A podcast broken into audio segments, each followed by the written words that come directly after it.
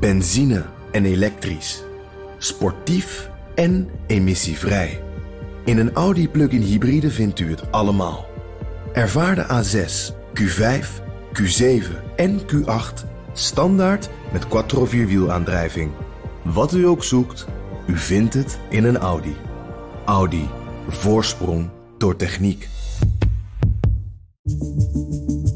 Vanaf de redactie van NRC het verhaal van vandaag. Mijn naam is Thomas Ruip.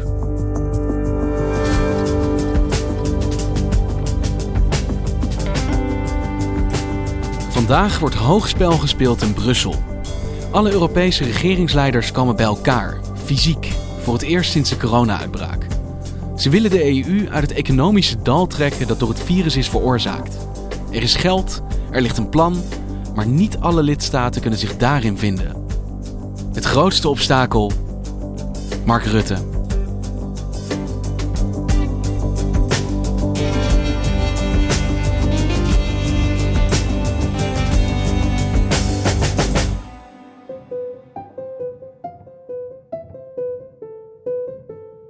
Onze premier Mark Rutte is op dit moment verworden tot de prima donna in een groot Europees toneelstuk.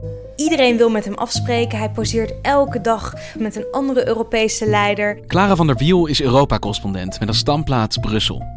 In de internationale pers wordt er tot in de details beschreven wat voor personage nou die Rutte eigenlijk is. Welke rol die speelt, uh, wat zijn verleden is, uh, wat hij misschien de komende uh, dagen of weken gaat doen. Um, zijn balboekje, dus zijn afsprakenlijst, zat ontzettend vol de afgelopen weken. Um, er kwamen allerlei Europese leiders bij hem op bezoek. Dat begon met uh, Emmanuel Macron, die kwam langs op 24 juni. President Macron van Frankrijk is op bezoek in het torentje bij premier Rutte. Mark Rutte pour tenter de le rallier au plan de relance européen. Uh, nou, vervolgens kwam uh, de voorzitter van de Europese Raad, Charles Michel, die kwam op uh, 6 juli bij hem langs. Het gebeurt niet vaak, maar Brussel komt vandaag naar Den Haag. 10 juli was het de beurt aan de Italiaanse premier, Giuseppe Conte. Il premier italiano Giuseppe Conte ha incontrato all'Aia il premier olandese Mark Rutte. Vooruitlopend op de raad heb ik intensieve contacten, zoals u heeft waargenomen, met andere collega's. Uh, gisteren bij Merkel. Uh, ik ontvang vanavond Giuseppe Conte en maandag komen de collega's van Spanje en Portugal voor respectievelijk het middageten en het avondeten. Dus had hij zowel een lunch als een avondafspraak. Nou ja, dat, uh, dat overkomt volgens mij weinig mensen. Al die bezoekjes aan Mark Rutte, die zijn eigenlijk de aanloop naar vandaag. Want vandaag komen in Brussel alle regeringsleiders uit Europa samen om te onderhandelen over een herstelpakket om de coronarecessie te lijf te gaan. dus even het populairste jongetje van de klas. Mister, is dat het goede woord, populair? Nou ja, populair in die zin. Kijk, dat iedereen naar hem toe wil komen, dat geeft hem natuurlijk wel uh, een zekere status. Hè? Dat betekent dat hij ertoe doet.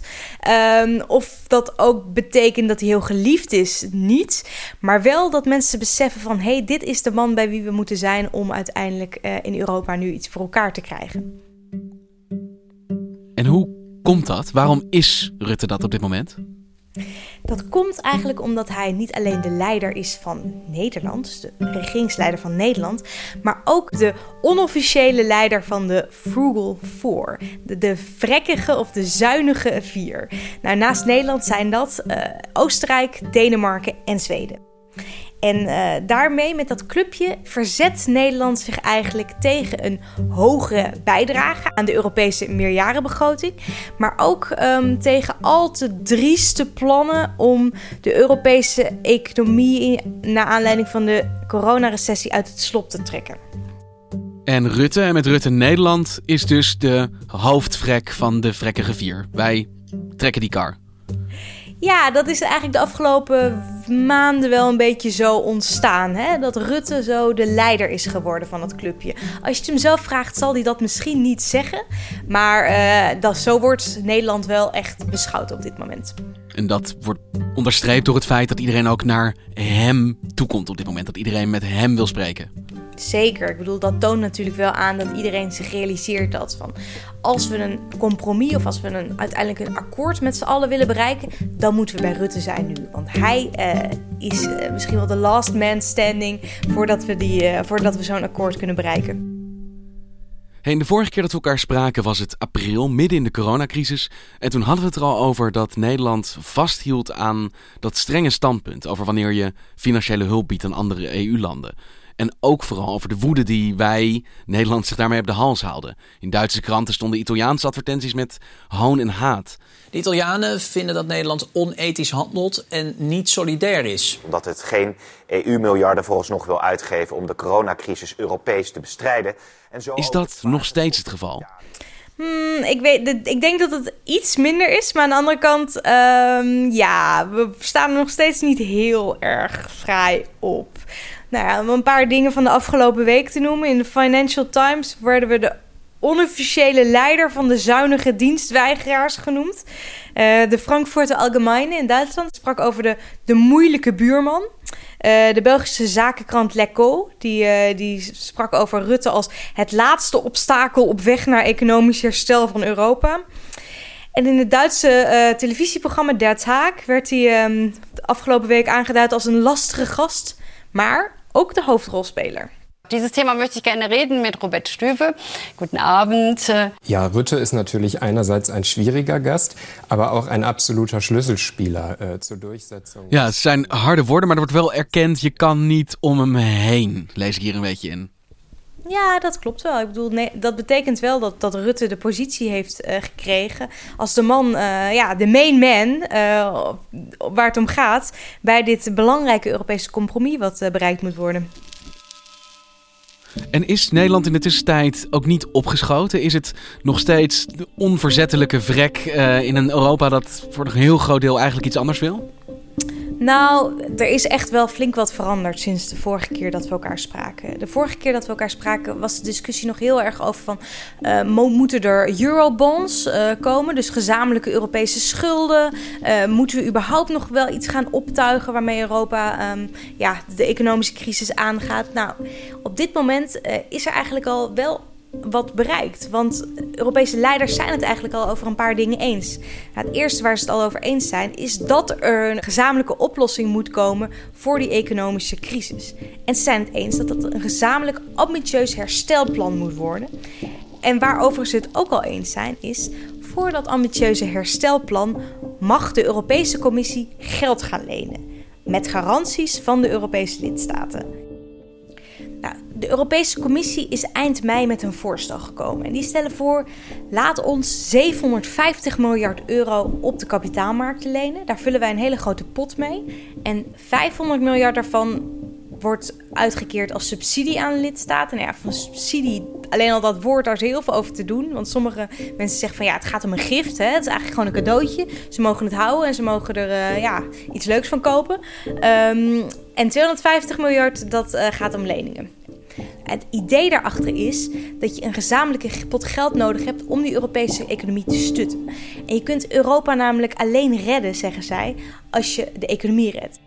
Ja, dus dat is eigenlijk wel een vooruitgang. Er is een afspraak, er gaat uiteindelijk betaald worden. Er gaat geld uitgetrokken worden om de klap die Europa heeft gekregen door corona te lijf te gaan. Precies. Oké, okay, maar so far so good. Ik bedoel, hoe kijkt Nederland dan naar dit voorstel, dit bedrag? So far so good. Nou, dat is niet direct de uh, reactie vanuit Den Haag op dit voorstel. Ja, het is uh, hoe uh, politiek journalist Joost Vullings het in op één noemde. Ja, zo zou je het wel kunnen omschrijven. misschien wel een middelvinger naar alles waar ons kabinet voor staat. Nou, het is in ieder geval wel een plan waar, alles, waar alle dingen in staan waar ons kabinet een hekel aan heeft, staat in dit plan. Dus het is in die zin wel, wel een, een, een zware dobber. Ja. Dat betekent ook dat die onderhandelingen heel zwaar worden. nee, er zitten heel veel kanten aan waar Nederland echt van gruwt. Nou ja, allereerst ja, de hoogte van het bedrag, daar zijn ze niet mee eens. De manier van verdelen, daar zijn ze het niet mee eens. Ze zijn het niet eens met de voorwaarden die aan het geld worden gesteld. Um, er zijn een heleboel punten waarop Nederland zegt van nee, nee, nee, hier gaan wij niet voor tekenen. Ja, dus de gedachte en het doel van dit voorstel, daar staat Nederland achter. Maar de invulling op dit moment zeggen we van dit is niet wat we willen. Precies. En vandaag wordt hierover gesproken en de ogen zijn dan ook op Nederland dan gericht, op Rutte, om te kijken of hij omgaat. Of hij te overtuigen is van dit voorstel. Ja, en dat is natuurlijk omdat alle 27 lidstaten moeten uiteindelijk tekenen. Dit is een voorstel waar, waar men met unanimiteit over moet beslissen om het erdoor te krijgen. Dus dat betekent dat ook Nederland uh, nou ja, uiteindelijk uh, moet tekenen. Nederland zou het in theorie in zijn eentje kunnen tegenhouden. Dus dat gaan pittige dagen worden nu. Het wordt hard tegen hard. Zeker, het uh, worden fikse onderhandelingen, ja.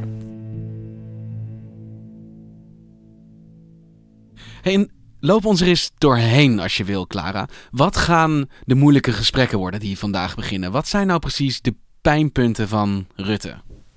Nou, het allereerste punt waar Nederland al bezwaar tegen maakt is eigenlijk dat bedrag van 750 miljard. De commissie die heeft eind mei een voorstel gepresenteerd en daarbij heeft ze ook een soort van onderbouwing gegeven van kijk, dit is de economische schade, dus daarom hebben wij 750 miljard nodig. Nou, daar heeft Nederland goed naar gekeken en die concludeert eigenlijk van nou, daar zijn we het helemaal niet mee eens. Kijk, je kunt wel zeggen van die economische schade is heel groot, maar waarom heb je dan 750 miljard nodig? Waarom niet 760 miljard? En waarom eigenlijk niet 400 miljard? Waarom is, zijn jullie op dit bedrag uitgekomen. Zij zeggen eigenlijk van, nou ja, dat is nog helemaal niet duidelijk. Die economische crisis, daar weten we nog heel weinig vanaf. En voordat we dat weten, kunnen we niet nu al bepalen van, nou ja, zoveel is er nodig. Dat is bezwaar 1. We vinden de hoogte van het bedrag niet duidelijk onderbouwd. Niet duidelijk onderbouwd en eigenlijk ook gewoon te hoog. Nou, het volgende um, punt waarover het vandaag gaat is uh, hoe gaan we het verdelen? Welke landen en welke projecten krijgen hoeveel van het geld? Nou, daarvoor heeft de commissie eigenlijk een soort van formule bedacht. Hè? Die, die maakt op basis van allerlei economische criteria, hebben zij bedacht van ja, dit land krijgt zoveel en dat land krijgt zoveel. Nou ja, daar is Nederland het ook niet mee eens. De, de commissie die heeft eigenlijk gekeken naar van hoe was nou de economische uh, situatie in de afgelopen vijf jaar in die landen. Uh, en op basis daarvan wordt het geld nu verdeeld. Maar Nederland zegt: nee, daar moet je niet naar kijken. Je moet eigenlijk afwachten van hoe erg gaat de schade nou zijn van deze crisis. En dan moet je op basis daarvan moet je het geld verdelen. Dat niet een financieel ongezonder land per definitie meer geld krijgt, maar juist de landen die het hardst relatief getroffen zijn door specifiek ook corona. Exact. En dat, uh, ja, dan zou je dus eigenlijk ook aspecten mee moeten gaan nemen als van hey, hoe erg heeft het virus toegeslagen in bepaalde landen. Terwijl dat nu bijvoorbeeld helemaal geen rol speelt in die verdeling. En verder? Het gaat er ook om van hoe snel moeten we nu eigenlijk met een gezamenlijke reactie komen. Rutte die zegt de van nou, kwaliteit gaat boven snelheid. We moeten eerst even helemaal goed uitzoeken van hoe zit het nou precies met die uh, recessie. Welke landen gaan het hardst getroffen worden? Hoe groot is die schade? Hoeveel is er precies nodig? Voordat we dat weten kunnen we nu eigenlijk nog geen beslissingen nemen. Um, nou ja, en andere landen zeggen van ja, maar kom op. Er komt zo'n gigantische recessie op ons af. We moeten nu gewoon snel ingrijpen. En wat is dan samengevat de angst van Nederland, van Rutte, van de andere vrekken binnen Europa als dit voorstel wordt doorgevoerd? Waar ze bang voor zijn, is dat het eigenlijk een soort van gebed zonder end wordt. Dat we nu gaan beginnen met een soort van nieuwe manier van Europa inrichten, waarbij er voortdurend geld van Nederland, dus een rijk land, en de andere rijke landen richting armere landen gaat vloeien. Hè? Dus dat je eigenlijk de kraan openzet en je hem niet meer goed uit kunt zetten, omdat het nou eenmaal op deze manier dan wordt ingericht. Een soort van bodemloze put waar we geld in gaan storten. En wat is het argument daartegen dan van de lidstaten die wel zeggen: nu akkoord gaan, laten we dit snel gaan uitvoeren? Nou, zij, zij betogen dat dit wel zo'n historische crisis is. Dat er nu echt iets unieks nodig is. Dus dat je echt met een plan komt om Europa er uh, toch weer bovenop te helpen. Ook omdat de klap zo groot gaat zijn dat het belangrijk is om die eigenlijk voor te zijn. Om te zeggen van nou ja, we gooien er nu alvast heel veel investeringsgeld tegenop. Zodat je die klap uh, kunt opvangen. Als je te lang gaat wachten met allerlei lange onderhandelingen, als je eerst nog heel veel dingen gaat uitzoeken, dan ben je eigenlijk te laat. Nou ja, zoals uh, een topambtenaar van de Europese Commissie die over het budget gaat, uh, Gert-Jan Koopman, het zegt. Dus er is echt haast bij geboden. En dat betekent ook, met alle respect, dat een heleboel van die technische vragen waar we in normale omstandigheden, in vredestijd om het zo maar eens te zeggen, uh, makkelijk een jaar over zouden kunnen debatteren en onderhandelen. Als we dat nu gaan doen, dan hebben we misschien een perfect plan, maar dan is de patiënt wel overleden. Ja. het schiet een beetje zijn doel voorbij, zegt hij. Ja, precies. Je bent dan eigenlijk zo druk bezig met het allemaal helemaal perfect maken, dat het, uh, dat het niet meer het ja, effect heeft dat het eigenlijk wel zou moeten hebben. En Rutte is dan dus degene die moet gaan buigen om tot een akkoord te kunnen komen. Hoe groot, denk jij, is die kans dat hij dat ook daadwerkelijk gaat doen? Nederland krijgt inderdaad uh, het zwaar te verduren. Rutte zelf ook. Ik bedoel, hij staat er uh, in heel veel landen in, uh, in Zuid-Europa, vooral staat hij er op dit moment gewoon echt op als een boeman. Maar tegelijkertijd kun je wel zeggen dat als je ziet hoe die discussie zich de afgelopen tijd heeft ontwikkeld, dan legt het ons ook niet alleen maar windeieren. Er is al best wel wat toegezegd ook aan Nederland. Nou, neem bijvoorbeeld de korting. Tegelijkertijd met het Europese herstelplan wordt er nu ook een, uh, onderhandeld over de Europese meerjarenbegroting. En daar uh, is Nederland altijd heel erg gebrand op het behoud van de zogeheten korting. Zodat ze een beetje uh, ja, minder hoeven te betalen omdat ze zo'n rijk land zijn wat al heel veel inlegt. Nou ja, die korting die gaan we houden. En dat is toch wel een gevolg van het feit dat Rutte gewoon hard in de onderhandeling is gegaan. Ja, dat hoe je opstelt in de ene discussie, heeft er invloed op je positie in de andere discussie. Iedereen schaakt op twee borden op dit moment. Exact, het maakt het hysterisch ingewikkeld, maar daarmee ook ontzettend interessant en uh, maakt de kans misschien wel op een akkoord nog wel iets groter. De afgelopen dagen zag je wel dat in ieder geval de discussie zo redelijk naar Nederland toe beweegt. En dat Rutte ook wel een beetje ruimte creëert voor zichzelf om wat uh, te gaan bereiken bij de Europese top. Um, hij heeft inmiddels bijvoorbeeld al wel gezegd dat, uh, nou ja, zelf is hij nog steeds helemaal geen voorstander van subsidies uit zo'n grote Europese pot. Maar hij erkent wel van, nou ja, als iedereen dat nou echt wil in Europa, dan zullen we daar misschien toch wel een beetje ruimte voor moeten gaan maken. Maar zegt hij, als we dat doen, dan willen we wel heel erg duidelijk weten waar het geld heen gaat. En we willen ook precies kunnen controleren of dan ook echt de economische hervormingen die wij vinden dat moeten gebeuren in die landen, bijvoorbeeld een ander pensioenstelsel, bijvoorbeeld een andere arbeidsmarkt, uh, dat die dan ook echt daadwerkelijk plaatsvinden. Want het lijkt alsof Rutte zich niet alleen principieel opstelt hier, maar ook eigenlijk fundamenteel. Het is een fundamenteel andere kijk over hoe Europa met geld zou moeten omgaan dan vele andere lidstaten vinden. Dan vraag je je toch af, kun je daar dan uitkomen? Hoe lang je ook zit aan zo'n onderhandelingstafel? Ja, dat is heel erg lastig. Um, ik denk wel dat er een compromis mogelijk is, maar makkelijk wordt het niet. Maar je hebt gelijk, het is een heel, andere, het is een heel fundamentele andere kijk op een economie. Want Rutte zegt eigenlijk van ja, kijk, wat jullie willen is dat Nederlands belastinggeld uiteindelijk in ieder geval ten dele misschien naar, de, naar andere delen van Europa gaat vloeien. Als dat gaat gebeuren, dan willen wij eigenlijk ook iets te zeggen hebben over hoe die economie daar wordt ingericht. En dat heeft natuurlijk een hele lastige kant ook. Want eigenlijk betekent dat dat Rutte in Spanje en Italië gaat zitten zeggen van ja, je moet nu dit gaan doen. Dat, democratisch gezien komt het natuurlijk heel raar over. Dat hij opeens dan macht en invloed zou hebben op hoe zo'n ja, land de eigen politiek en eigen economie inricht. Uh, dus dat maakt het allemaal heel ongemakkelijk. Uh, maar tegelijkertijd, als uh, die landen toch echt aanspraak willen maken op dat geld, dan denk ik wel dat er in ieder geval wel voorwaarden worden ingebouwd waarmee dan zo'n constructie misschien wel er komt. Ja, dan ga ik je toch vragen een doodzonde te begaan van de politieke journalistiek. Uh, namelijk een voorspelling. Gaan we oh. eruit komen?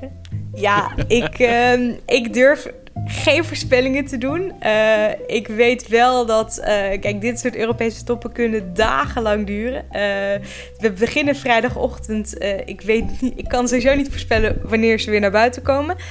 Ja, ik, ik denk wel dat de druk inmiddels zo hoog is dat er in ieder geval voor het eind van de zomer een akkoord zal liggen. Het, het zou ook nog wel kunnen dat ze er bijvoorbeeld dit weekend niet uitkomen en dat er dan nog een tweede topontmoeting pla plaats zal moeten vinden. Ja, maar als iedereen in principe het ermee eens is dat er een plan moet gaan komen, dat er hulp moet komen, dan is er niet uitkomen waarschijnlijk voor geen van de partijen een optie. Nee, dat, en dat zou ook wel ontzettend pijnlijk zijn natuurlijk. Want Europa moet er nu gewoon uitkomen. Want de economische crisis waarvoor men staat is zo gigantisch. Het is gewoon heel belangrijk dat daar nu snel een antwoord op gevonden wordt. Nog los van het feit dat het natuurlijk ook een heel slecht beeld is als Europa er op zo'n ontzettend pijnlijk en, en moeilijk moment niet uit kan komen. Kijk, als, als de Europese Unie er zelfs niet in slaagt om, om iets te betekenen als er echt een crisis is ja, wanneer dan wel? Hè? Dus, dus dat zou gewoon heel pijnlijk zijn als, als men dan op zo'n moment alsnog met elkaar overhoop ligt. Geen antwoord kunnen vinden op zo'n historische crisis is ook een historische flater. Ja, zo zou je het wel kunnen zeggen, ja. Dankjewel, Clara. Graag gedaan, Thomas. Je luisterde naar vandaag, de podcast van NRC. Eén verhaal, elke dag. Vandaag wordt gemaakt door Mirjam van Zuidam, Henk Ruigrok van der Werven, Tessa Kolen, Ido Havinga, Julie Blusset, Jan-Paul de Bond, Ruben Pest, Felicia Alberding en Jeppe van Kesteren. De muziek die je hoort is van Rufus van Baardwijk. Dit was vandaag, maandag weer.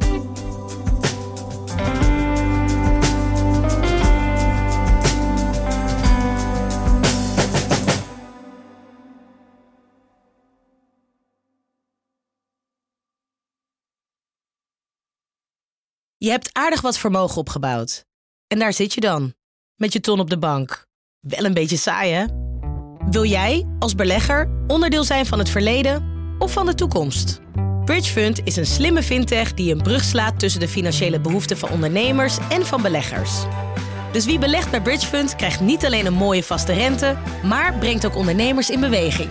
Echt waar, met die ton kan je zoveel betere dingen doen. Bridgefund.